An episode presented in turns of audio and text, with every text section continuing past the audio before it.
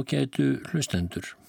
Á sjómanadeginum fyrir rúmum tveimur mánuðum síðan þá var ég að lesa upp úr Íshafs ævintýrum en það eru sjóferðasögur Jóhanns Kulds sem hann gaf út um miðja síðustu öld og þar var komið sögunni að Jóhann var 22 ára gammal búin að ráða sig á norst selveiðiskip sem veitti seli í Íshafinu langt norður af Íslandi. Þetta var árið 1924 og uh, það var mars og frostið var stundum mælt í tugum gráða á Celsius og það var versta veður og ég skildi við Jóhann Kúld eiginlega í ómögulegum aðstæðum í ofviðri um miðjanótt og Ísing hafði hlaðist á skipið og brotsjór hafði rifið niður öll aftari seglinn sem skipið treysti á og allt var frosið fast og veðrið svo mikið, skrifar Jóhann, að menn höfðu nóg með að standa á þilfarinu. Ég hafði ekki verið meira en tíu mínútur á þeilfari eftir að hafa verið kallaður upp úr kvíld og mikið bölvaði ég frostinu þegar mér fór að svíða í eirun sem var fljótlega eftir að ég hafði komið niður. En hvernig sem ég bölvaði þá mingaði samt sviðin ekki hætishót við það. Skipið var nú allt eins og hafís í ekki Alltaf hlóðst meiri og meiri ís utan á það því að frostharkan var ægileg. Enda þótt við gerðum það sem við gátum til þess að létta af því ísnum þá síndist það ekki lengur bera neitt árangur því ómögulegt var að standa við vinnu fyrir óveðrinu, reyn og bein lífsætta, þrátt fyrir varúða rástafanir svo sem að hafa menn bundna á línu.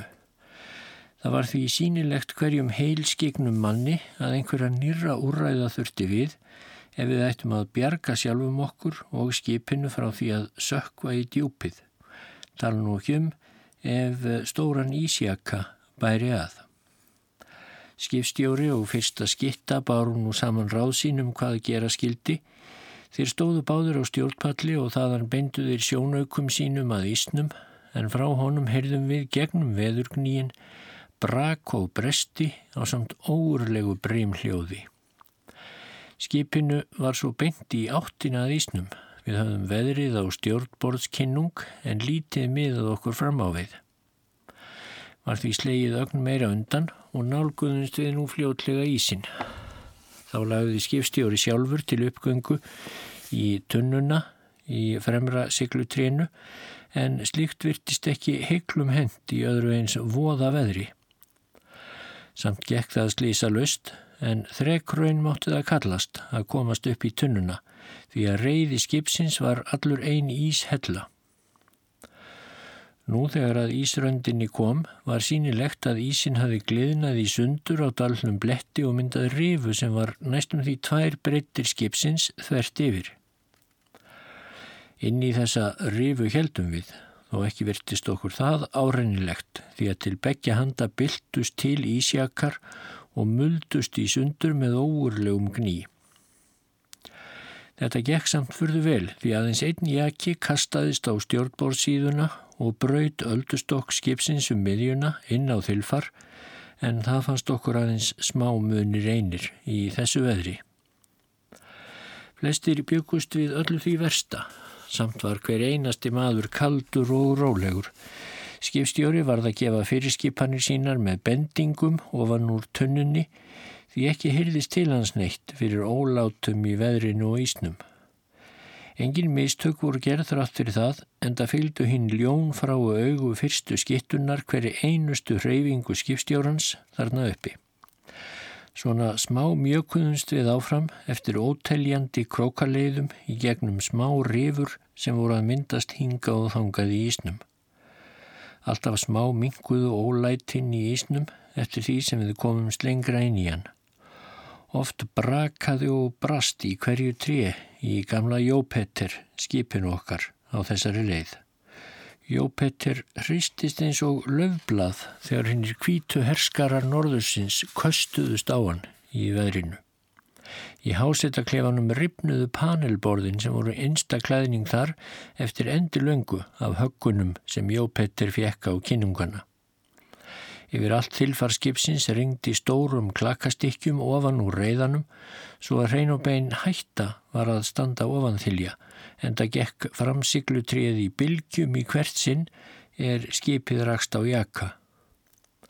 Það var áraðanlega ekki neitt gamanleikur að standa upp í tunnunni á þessari leið. Rétt áður en mesta myrkrið skall á vorum við komnir það langt inn í ísin að sjórin var orðin stiltur Þar lögðumst við um kyrt og byggðum mestu næturinnar. Þegar við komum í þessa vög þá sást hverki ís lengur á jópettir nema á þilfari. Allt annað hafði hreinsast í burtu þegar við brutumst í gegnum ísin. En ekki getur maður að jafnaði fengi að vera lengi í fríði í sömu vökinni.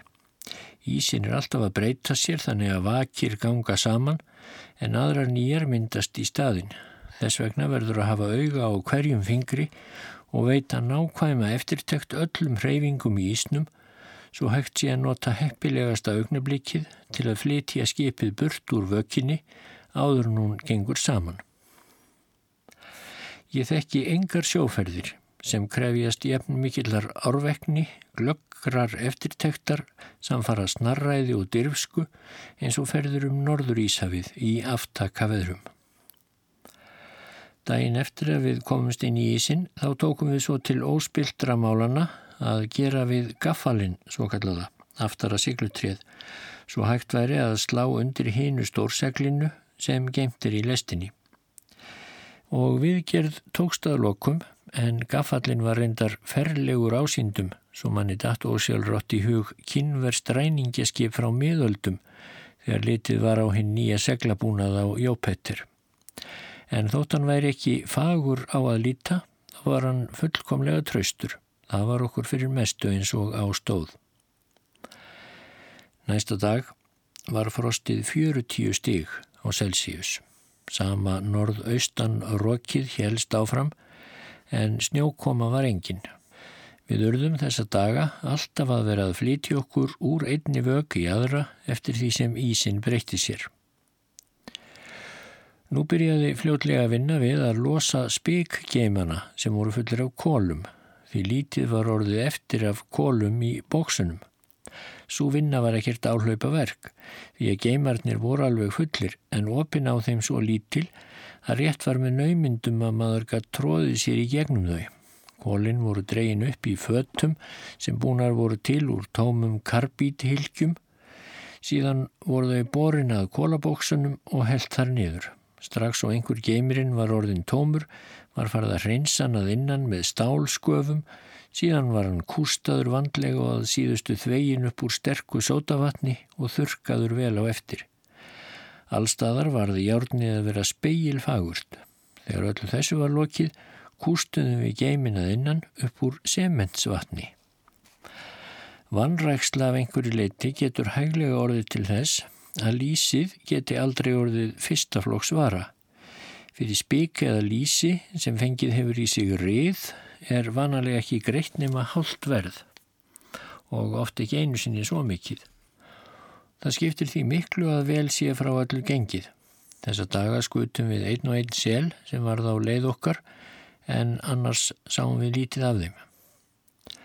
Aðalega voru það rosknir selir sem við drápum breyður af sel sáum við hverki og því heldur enga kópa en skinnið af kópunum er langa verðmest og þess vegna eru þeir eftirsóttastir. Ómögulegt var að leitað sel fyrir óveðrinu, útlitið var því ekki glæsilegt framöndan. Nú skal ég með nokkrum orðum lýsa fyrir ykkur hvernig farið er með skinnin og spikið af selnum. Skinnið og spikið er fleið af í einu lagi og nefnist þá til samans kápa. Að vetrinum eru kápurnar settar strax niður í spikgeimana og geimdar þar þanga til komið þeirra landi að lokinni veiðuför. Þá eru skinnin flegin af spikinu. Þessa dagana var frostið svo mikið að selspikið stokk gattaði ef það lág nokkur augnablík úti á þilfari. Daginn lendum við í sömu vökinni og annar selfangari sem hétt sjófuglin. Það var nýlegt mótorskip, mjög fallegt. Hafði sloppið inn í ísin áður en óveðrið skall á og var því alveg óbrotið og með heil segl. Setna heitum við annan selfangara, Malúla frá Haugasundi, afskaplega stór selfangari og með gufuvél sem hafði lendi í veðrinu fyrir utan ísin og laskast talsvert. Talaði skipstjórun um að fara til Íslands og fá viðgerð þar strax svo hann kæmist ángað. Þegar við á Jópetter höfum legið þrjár vikur inn í Ísnum á þess að geta aðtapnað okkur nokkuð við veiðar, sökum og veðurs, þar sem öll okkar vinna fór í það að bjarga skipi og mannum, þá heldum við af stað til Noregs. Við völdum ekki þann kostin að fara til Íslands, sem þó var miklu stýttra. Einungis vegna þess að Jóhann Sjúlbúst, skipstjóri, var ákveðin í að hætta skipstjórn strax og heim kemi vegna þess að hann hafði kent hjartabilunar fyrstu dagana eftir að við hreftum hið mikla veður. Hann treysti sér þar að leiðandi ekki til að halda áfram. En það kemur það sér betur að þeir menn síu með öllu óbílaðir sem hafa fórustu með höndum þar norður frá. Fyrsta skitta hafði orðið að miklu leiti að takað sér fórustuna eftir að skipstjóri fann til sjúkleikans. Ég gleymi svo aldrei þeim degi eða við komumst út fyrir ísin aftur. Vissulega var það sem þá gerðist ekki síður áhrifamikið en þegar við brutumst inn í ísin í versta óveðrinu. Við höfum leitað tölvert af leið þar sem ísin væri svo greiðfær að gerlegt væri að komast út úr honum. Alltaf smá nálguðumst við Ísröndina eftir ótal krókaleiðum svo að ekki vantaði að lokum nema herslu munin að við værum komnir út í hreinan sjó. Það tókst að lokum. Guði sé lof og þökk voru fyrstu orð skipstjórans þegar við vorum slopnir út á hafið. Svo snýr hann sér í áttinað ísnum og horfið þegjandi þangað dálila stund. Mér síndist renna tár niður aðra kinnina á hennum harða og veður bytna íshafsfara sem var að kveðja gömlu henginni sín í síðasta sinn. Oft hafði hann sylt heim með hlaðin knörr af sel, en nú sylt hann heim í síðasta sinn, heilsubilaður maður með engan abla og laskað skip. En strax og við vorum lausir við ísin, þá var farið að undirbúa heimsiklinguna. Skipið var heldur létt því nú var búið að eigða svo miklu af kólaforðanum. Við dældum því sjó í tvo spík geima og fengum þá skipið til að liggja vel á sjónum. Einnig voru teknar tvær selkápur og bundin í þær kaðall og þær voru hafðar til taks aftur á skipinu ef áþyrtið halda til að verja skipið áföllum. En slíks þurfti nú ekki með því að þrátt fyrir úvinn sjó með heiminháumöldum sem hægt var að ímynda sér að myndi byltast yfir skipið á hvaða augnablíki sem var, þá ætti Jópettir áfram yfir hafið án þess að taka á sig einn einasta sjó. Út í annað eins afburða sjóskip og jópettir hef ég aldrei stíð, hvorki fyrir nýja síðar. Í hásettakleifanum var glatt á hjalla þessi dagrin. Þar voru samankomnir æskumenn sem heldu gladverð og góðu skapi á hverju sem gekk. Þeir höfðu líka frá mörgu að segja sumir hverjir, ef svo bara undir, og voru þá sjaldan myrkir í máli. Nú voru fjörugar umræður niðri um þjóðfélagsmál, ástamál og um það hvort í rétt væri að hætta á skipinu þegar það kemi í höfn. Um það mál virtist helst vera ágreiningur. Engin okkar hafði neina atvinnu vísa er í landkæmi en þegar rætt var um þjóðfélagsmál það er rökkvaldur á setti að heimurinn væri eitt vitfyringa og bófa bæli þar sem þeir vittlausustu væri kallaðir vitringar og látnir stjórna þeim sem óbrjálaðir væru. Var þetta samþygt af öllum viðstöttum en það treysti enginn sér til að fara út í rökkræður við rökkvaldum slík mál því að í þeim bar hann alltaf hæstan hlut. Menn voru reyndar heldur ekki á einu málu um ástina, sumir heldum væri andleg en alls ekki líkamleg. Aðrir og þeir voru í meiri hluta heldum væri fyrst og fremst líkamleg og hefðu upptök sín í vissum kirtlum í líkamannum. Um það sögðust er ekki þræta hvort þessum kirtlum væri stjórnað frá andlegri miðstöðu eða ekki. Máli var svo tekið út af dagskrá án þess að niðurstaða fengist. Þarna á Jópetter voru líka skáldmæltir menn sem ortu við ímist tækifæri. Ferðin yfir hafið gekk annars ágætlega þó að alltaf væri dimviðri og aldrei segi til sólar en við vorum orðnir því vanir. Sól höfðum við reynlega ekki séð síðan óveðrið skall á þar norður frá og við höfðum aldrei geta tekið sólarhæðina sem var mjög bagalegt. Á leiðin yfir hafið fengum við allan tíman norð-austan kvassviðri en eftir því sem sunnar dró minkaði frostið.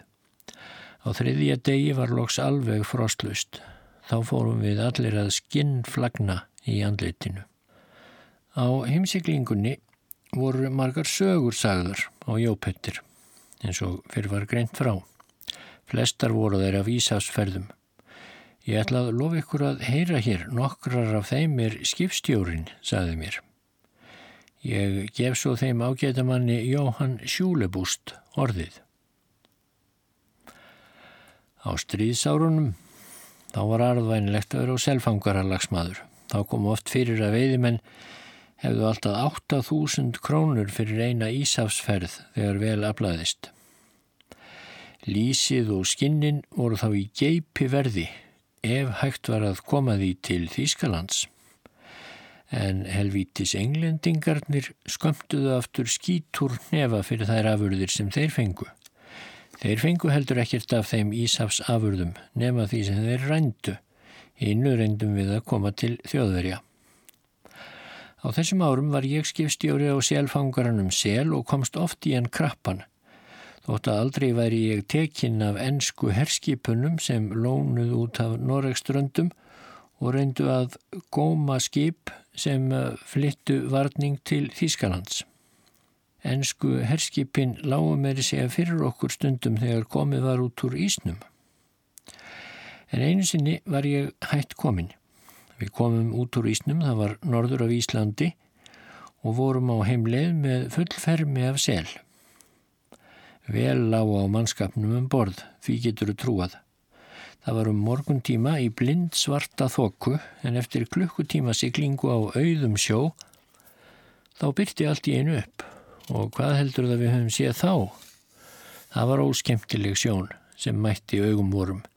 Kipkorn frá okkur, sáum við brest beitiskip, er óðara gaf okkur merki um að stöðva. Nú voru þið þá ekki teknir og farmurinn gerður upptækur, skaut ég inn í. Teknir, átt skipstjórun upp eftir mér. Nei, við vorum ekki teknir. Nú skaltu fá að heyra hvaða var sem bjargað okkur. Strax og við sáum herskipið let ég draga upp neyðarflagg. Jáfnframt skipaði ég að láta opna botnkrana skipsins svo að sjórin geti fengið að renna inn í skipið. Það fyrsta sem mætti augum bresku fóringjana sem komið um bort til okkar var að sjá mína menn löður sveita við að dæla sjó úr skipinu og hafa ekki undan. Ég bar líka fram þá gröfu við þessa heiðursmenn brettana að herskipið þeirra dræju okkur til næstu hafnar á Íslandi. Eins og þeir sæju sjálfur þá væri selfangarinn ekki sjófær. Þessir sjóraningjar þóttust hafa annað með tíman að gera en að eigðunum til að bjarga okkur. Þeir neituður hengt og beintum alla aðstóð, sögðu að við erum að bjarga okkur sjálfur eða sökva að öðrum kosti. Ég var nú satt að segja fegin þessum málalokkum því að brelli bröðu mín náðu þarna tilgangi sínum. Þegar við lögðum svo að stað aftur let ég neyðarflækið vera uppi en tók stefnu á eigafjörð. Setna um daginn gerði aftur niðdima þokku. Þá vorum við ekki seinir á að breyta um stefnu og eftir það gekk ferðin vel heim til Noregs. Skipstjórun var þagnaður og fekk sér nú væna tópakstölu sem hann tögði hrauslega. Getur ekki sagt mér fleiri slíkar sögur, spurði ég. Hann svaraði ekki strax. Það var eins og hann verið að hugsa sig um, svo hann spurði Hefur þú heyrt frásögnina um Littlanes Pál þegar hann gapaði brettana? Nei, ég hef aldrei heyrt hennan Pál nefndan, hvað þá meira, hann sagði ég. Já, ég skal segja þér frá honum, sagði hann er svona. Littlanis Páll en nú kalli krabbinu skal ég segja þér. Hann er stór og sver og rammur og afli sem er segja að hann muni vera þryggjamanna makiðað burðum því get ég sem best trúað. Mart handtakið hefur verið fallegt hjá honum um dagana. Hann er líka voðalegur skapmaður, svo mikill að hann hefur stundum ekki gætt sín sem skildi. Það var til dæmis einu sinni í Kvítahafinu út af Norður Rúslandi þegar allur mannskapurinn hjá honum var úti á ísnum við að veiða kópa að Pál tók að skjóta úr tunninni út á ísin til þeirra vegna þess að honum þótti veiðin ganga of seint. Hann hætti ekki skotriðinni fyrir en fyrsta skittan hans skaut á móti og fór kúlan í gegnum klófið á kallinum þar sem hann stóði í tunninni. Í annað skipti þegar Páll var upp í tunnunni sparkaði hann svo ákaft í reyðisinni að botnin gaf eftir svo að kallin rapaði niður og satt fastur um herðarnar í tunnunni svo hann mátti sig það hann hvergi hræra. Þegar svona var komið fyrir honum bað hann kallana eins og Guð sér til hjálpar um aðstóð. Þeir letu Pál hanga hann að góða stund áður en þeir losuðan þegar þeim þótti tími til komin settu þeir toppfalin á kallin og höluðan upp þá var þann fegin að byggja það á að fara varlega. Eftir þetta atvik er sagt að hann hafi orðið dálitið spakar einn áður. Það var einmitt þessi sami Littlanes Páll sem lendi í kasti við brettana sama vorið og ég slapp frá þeim á sel. Þetta ár var Páll skipstjóri á selbarðanum sem hann átti sjálfur. Hann kom með dreklaði skip út úr ísnum og var á heimleið. Hvað svo sem um Pál má segja verður ekki sagt með sanni að hann sé ekki ablamaður. Honum hefur aldrei brugðist veiði frá því fyrsta er hann varð skipstjóri. Það var því orðið viðkvæði hjá mannum að sama væri hvort með nættu peninga í banka eða ættu pláss hjá Páli, það gildi einu. Sumir heldur við fram að örugari væri aflinn hjá Páli heldur en bankin. Nú, hann kom þarna út úr ísnum með hlaðið skip en var óðara tekin af bresku herskipi sem setti sex menn um borði í selfangaran og saði þeim að siklunum til Bretlands með ablasinn. Ég get svo rétt ímynda mér upplítið á páli mínum þegar brettarnir voru búin að taka hann herrnámi en það hafði enga þýðingu fyrir hann að mögla. Þegar selbarðin var svo komin austur fyrir Ísland þá var stefnatekin á Hjallandsegjar. Veðrið hafði verið ágætt þegar þeir voru teknir en á útsiklingunni gerði vonsku veður. Tók þá Páll að sigla glannarlega en við það urðu bresku fóringjarnir sjóveikir því að þeir voru alveg óvanir smáskipum. Fóru þeir því brátt undri þiljur og koma eftir það upp aðeins með lungumillibili til að gæta stefnunni á áttaveitanum. Þegar þeir svo sáu að alltaf var haldið sömu stefnu þá fóruður hinnir rólegustu niður aftur. En gammalt máltæki segir að ekki sé fjandin yðjulöys. Littlanes Páll var heldur ekki yðjulöys. Eftir að brettarnir urðu sjóveikir og fóru nýður þá tók hann til sinna ráða. Hann kom í árnum haganlega fyrir nálagt átavitanum og gerða þannig hringlandi vittlausan. Raunveruleg stefna skipsins var til Noregs en ekki til Hjallandsega. Svo hafi Páll átt, réttan áttavita falin í skipinu og eftir þessum áttavita fóran þegar hann var að breyta hinnum. Brettarnir ugði ekki að sér að nokkur bröð væri í tabli og voru því hinnir rólegustu erðir komið í stýrisúsið til þess að líta eftir hvort rétt væri stemt. Þannig gekk alla leiðin yfir hafið. Svo komiður í besta veðri upp undir norska skerjagarðin og sáu fjöllin blasa við framundan. Bresku fóringjarnir tóku þá upp sjónauka sínu og horðu til lands en þekkti ekki þann stað sem þeir voru komnir upp undir. Ekki þetta Hjalland, sögðu þeir. Hjalland hlítur það að vera, sagði Pál, eða hvaða annað land gæti það svo sem verið. Þegar þeir komin í skerjagarðin mættu þeir fiskibátum á útleið og kalluðu til þeirra en þeir svöruðu einhverju á norsku sem fóringjarnir bresku skildi ekki. Skilur þú hvað þeir segja? spurðu fóringjarnir Pál, en hann saðist ekki skilja eitt orða því sem þeir segðu. Þegar hér var komið áttuðu brettarnir sig á því um síður að þetta myndi vera norska ströndin. Skipuðu þeir þá umsveguleust að snúa skipinu og halda því frá landi. En þegar Littlanes Pál heyrið það, hrópaðan, við erum komnir inn fyrir norska landtilgis línu og hérðan af verður ekki snúið tilbaka. Einn fóringjana miðað þá skambissu og Pálinn hinnir gerðu sig líklega til að taka þann sem við stýrið stóð. Mikil börn eru þið, ekki er hægt að ókna mér með skambissu, saði Pál og leitt hvast á þá. Ég hef fjölda manns alvopnaðu um borði í skipinu. Þið eruð börn þar sem ykkur datt í huga þið getur tekið selfhangara búnir þessum barnaleikvöngum. Svo bættan við, ég þarf að kenna þenn flauta, þá koma mínir menn betur vopnaðir. Um leið og hann slefti síðast orðinu þá flautaðan og viti menn skipsöfnin á selbarðanum ruttist upp á þylfarið með hlaðna rifla í höndunum. Takki þessa menn til fanga, skipaði Pál og benti á bresku fóringjana. Norsku veiðimennir sem voru vanur að fást við alls konar villidýr gengu híklaust fram og framkvæmdu skipunina. Þegar svo var komið að bryggju í Álasundi var brettunum sleft úr haldi fóru þeir svo með fyrstu ferð til Bretlands. Setna kom svo frétt að fóringi þeirra hefði verið skotinn fyrir herrjetti en félagar hann settir í fangilsi. Littlanis Pál var einnig dæmdur af breskum herrjetti til að skjótast hvenar sem næðist í hann. Hann hætti því sem skipstjóru og setti stað í landi þar til stríðinu var lokið. Þá byrjaði hann strax aftur á Ísafsferðum. Páll er nú eigandi að tveimur selföngurum og er sjálfur skipstjóri á öðrum þeirra. Alltaf er hann sami hardiakslin og hverju sem gengur og til hans venjast vanalega menn sem skara fram úr öðrum að dugnaði og harðfengi en það bregst honum aldrei veiðin. Frásögn skipstjórans var lokið. Hann ræsti sig og fekk sér tópakstölu sem hann tögðir hessilega. Urði ekki margir efnaðir í Norri á stríðsárunum til dæmis þeir sem stunduðu Ísafsferðirnar og eh, síðan flutninga og veiðinni til Þýskalands, spurði ég. Jóhann Sjúlebúst svaraði ekki alveg strax en helt áfram að tiggja dálhla stund en svo tók hann til máls á þessa leið. Jú, almenningur í Noregi hafði tölvert upp úr sér á stríðsárunum, sérstaklega sjómanastjettin en það fór svo allt til fjandans, skal ég segja þér, burgeisarnir hýrtuða nefnilega allt saman aftur.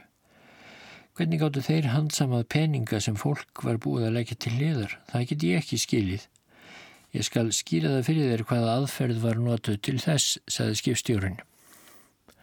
Fólkið setti nefnilega flest sparipeninga sína í bankana því þar væri þeir best gemtir aðeins örfáir kiftu sér fasteignir. þá voru þessir fáu sem heldu sínu Allir hinnir töpuðu því sem þeir höfðu sparað í sveita síns andlitis.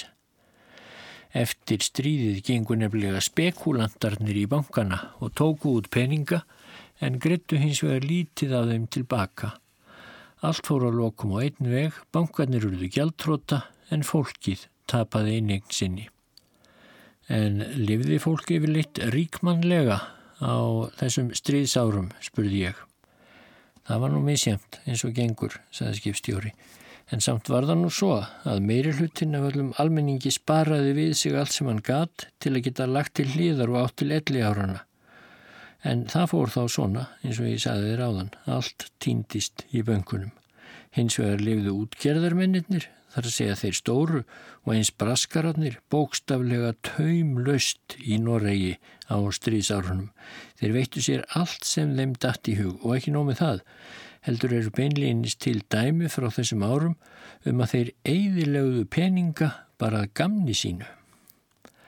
Eitt þektur útgerðarmadur, hann skyndi sig til dæmis á einum þúsund króna seðli og braskari sem ég þekkti persónlega hann kvekti í vindli inn á veitingahúsi með hundrað króna segli bara til að sína fólki ríkidæmi sitt. Mörg fleiri dæmi af þessum toga má finna frá þessum tíma. Það væri óskandi að slíkir vitfyringa tímar kæmu aldrei aftur. Ég gekk nú til kvílu svo samtal mitt og skipstjóra var á enda. Ég leip svo yfir allangan kabla í sjóferðasögu Jóhanns Kulds þar sem lístir komið þeirra til Noregs en hann ákvaði að halda áfram selveiðum og eh, næst grýp ég niður í frásögninni þar sem lagt er upp frá Álasundi öðru sinni. Að baki okkar lág norska ströndin með sínu indislega vori sem nú var farið að ráða þar ríkjum. Framundan okkur á Jópetter breyti speilslétt hafið út opinn faðminn og sitt í hugi sjómanana til sín eins og ástkær önnusta. Við vorum á leið aftur norður í auðnina og kuldan.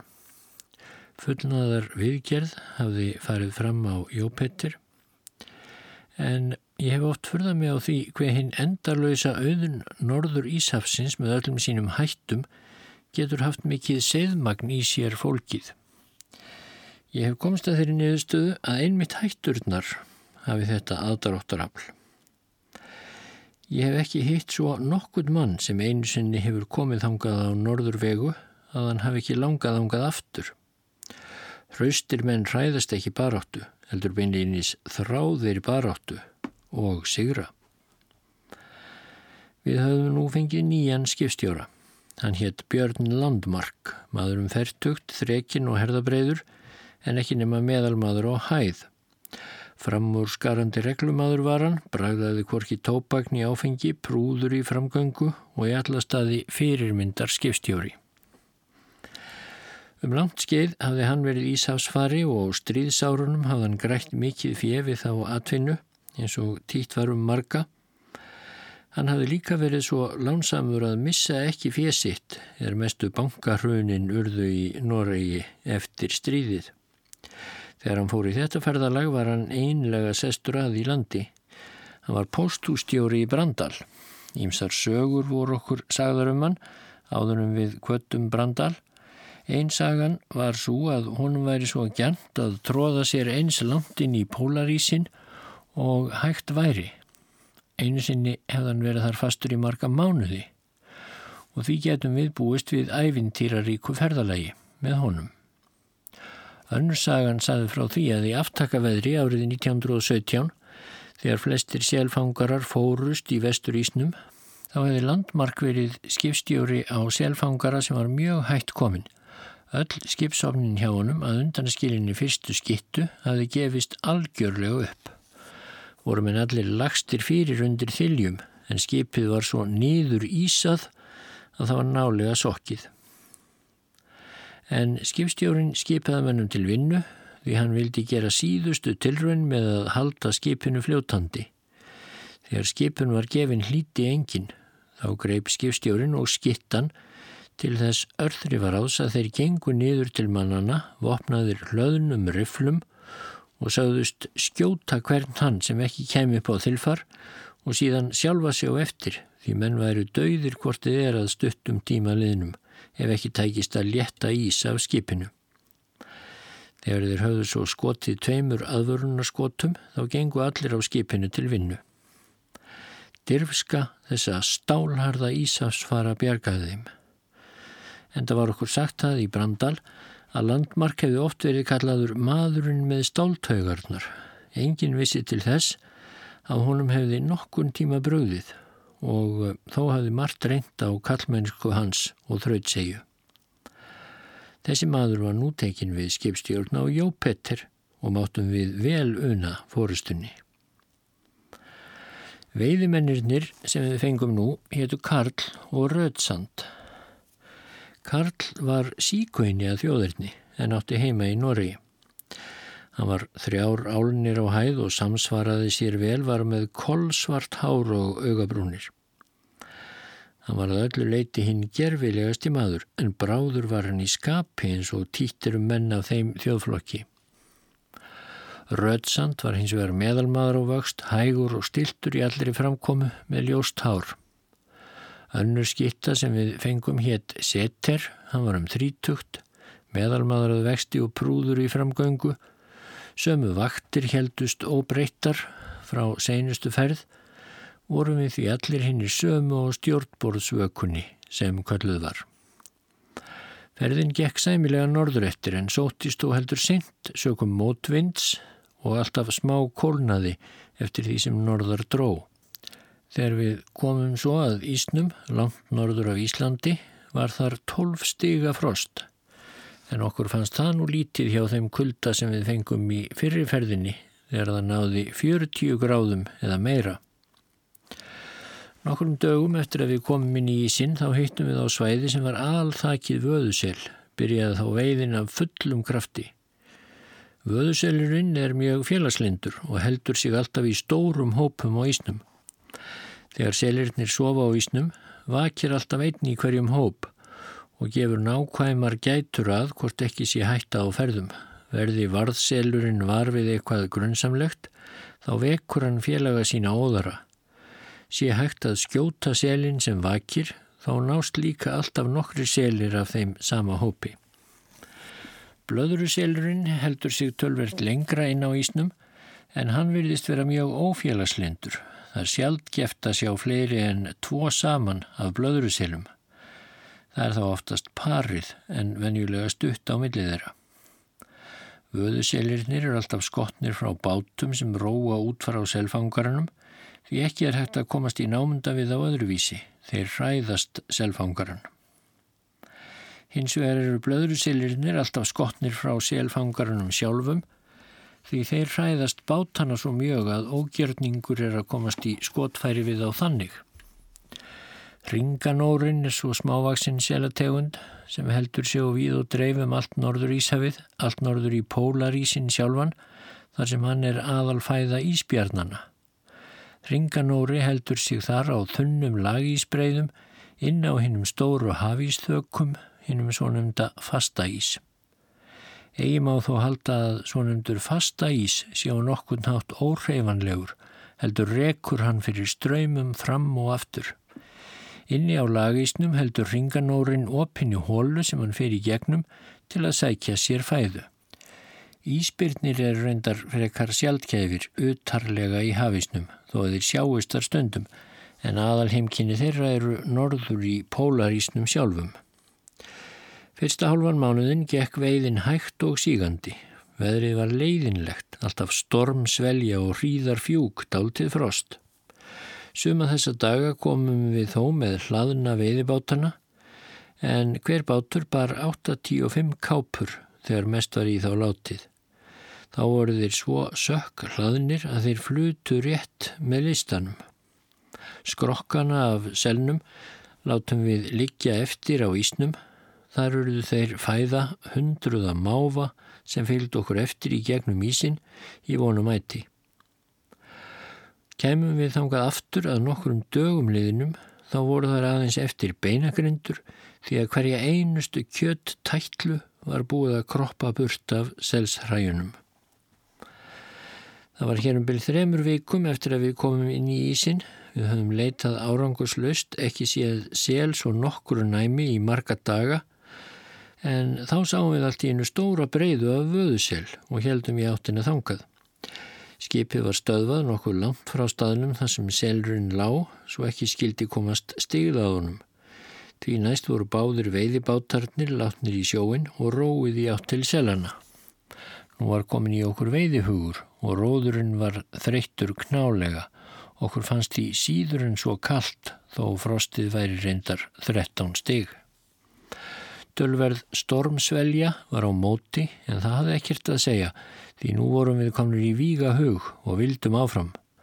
Ákveði var áðurinn við lögðum frá selfangarannum að bátarnir kemið að selnum á tvo vegu og byrjuðu skotriðina þannig.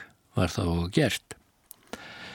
Þegar stjórnbórsbáturinn nálgæðist fyrsta jakan þar sem selurinn lág sleftum við árunum sem festar voru með kaðalring við tollana og lögðumst niður í bátinn en skittan stóði í stafni og hóf skotriðina. Fjórir selir lágu döðir á fyrsta jakanum. Þannig var haldið kvíldarlaust áfram og allstaðar lágu döðir selir eftir.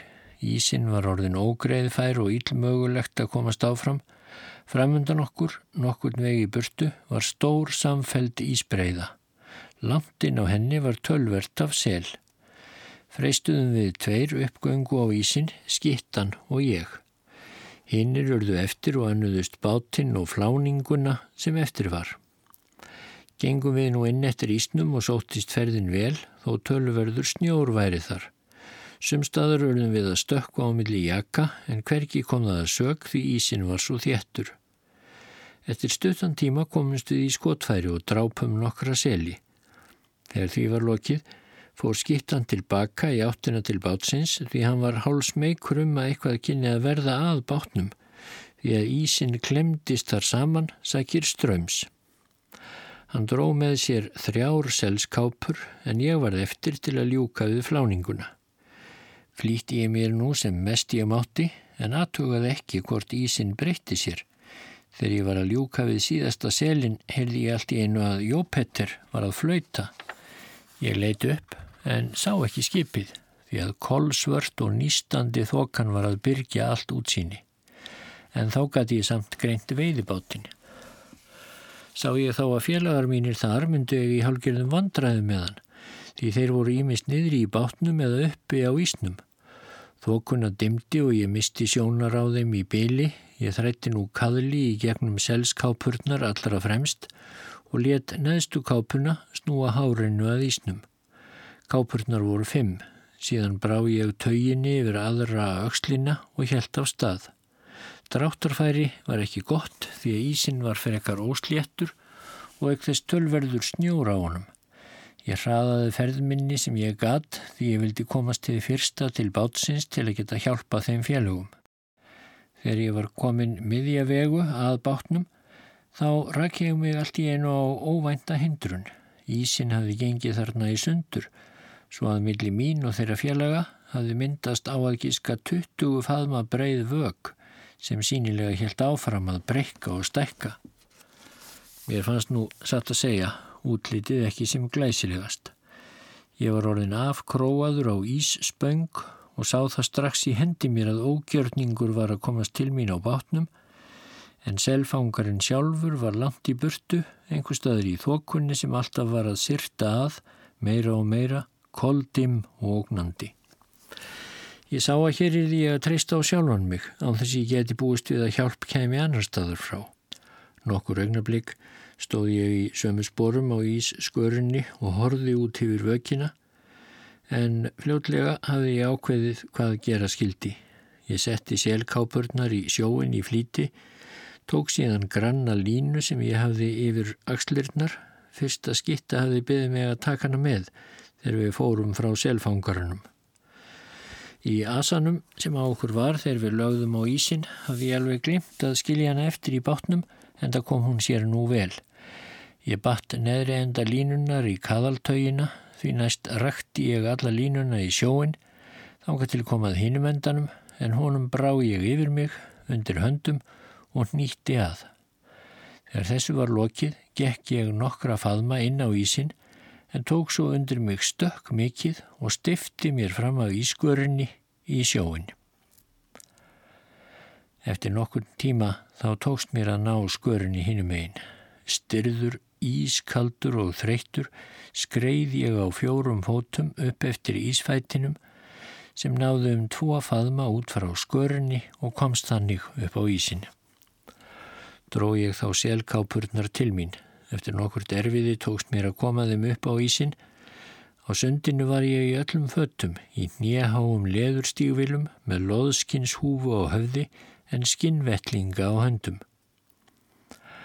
Ég var styrður og þungur á mér til göngu en kuldin knúði mig áfram af öllum mætti.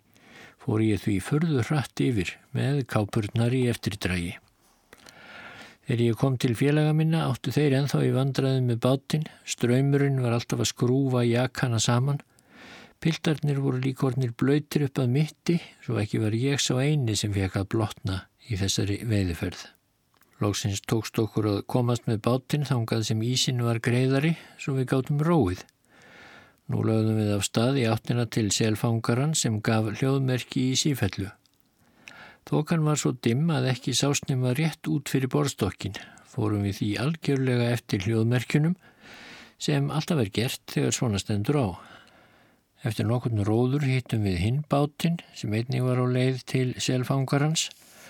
Þokan var svo mikil að við sáum ekki bátinn fyrir en árarnar slóust hér um bíl saman á bátunum. Nú þreyttu bátarnir kappróður út að Jópettir sem sendi hljóðmerki á náláts. Ekki sáum við skipið fyrir en við vorum komnið rétt að því. þá síndist okkur það verið eins og ægileg ófreskja í þokunni, margfalt stærra en það var í raun og veru. Þegar að skipslið kom voru selkápurnar teknar upp úr bátnum með skipsvindunni og settar í bunga á þilfarið. Að því búnu fórum við í þurr fött og settum stað snæðingi, vorum en allir orðnir vel matlistugir. En uh, þegar allir voru mettir var lagt af stað til veiða að nýju. Ekki varð mér eða hinnum neitt mynd við þá vósbúð sem við urðum fyrir þennan dag en það var kvef og aðra slíkar pestir alveg óþægt fyrirbæri allan tíman sem við vorum þarna norður frá. Stundum var leitað að sel dag eftir dag og þá voru rólegir dagar hjá okkur því að ekkert var annað að gera en standa við stýrið til skiptis. Svo þegar hittist aftur á veiði var skotið svo lengi sem nokkur selur sást. Þannig er selveiðin, tekin í skorpum, oftast með löngum kvildum á milli.